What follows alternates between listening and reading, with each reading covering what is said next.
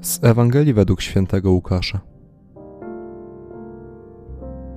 Gdy zebrał się wielki tłum i z poszczególnych miast przychodzili do Jezusa, opowiedział im przypowieść. Siewca wyszedł siać swoje ziarno, a gdy siał, jedno padło na drogę i zostało podeptane, a ptaki podniebne wydziobały je. Inne padło na skałę i gdy wzeszło, uschło, bo nie miało wilgoci. Inne znowu padło między ciernie, a ciernie razem z nim wyrosły i zagłuszyły je. Inne w końcu padło na ziemię żyzną i gdy wyrosło, wydało plon stokrotny. To mówiąc, wołał: Kto ma uszy do słuchania, niechaj słucha. Pytali go więc jego uczniowie, co oznacza ta przypowieść.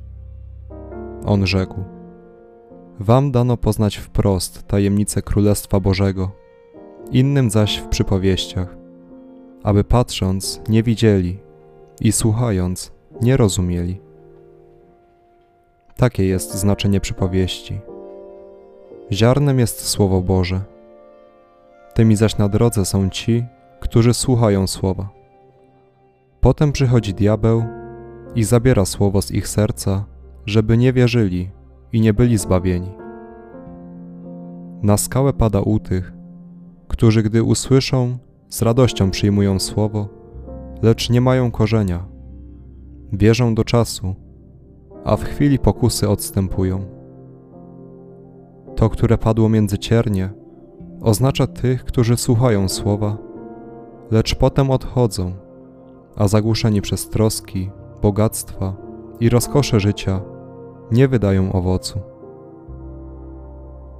Wreszcie ziarno w żyznej ziemi oznacza tych, którzy wysłuchawszy słowa sercem szlachetnym i dobrym, zatrzymują je i wydają owoc dzięki wytrwałości.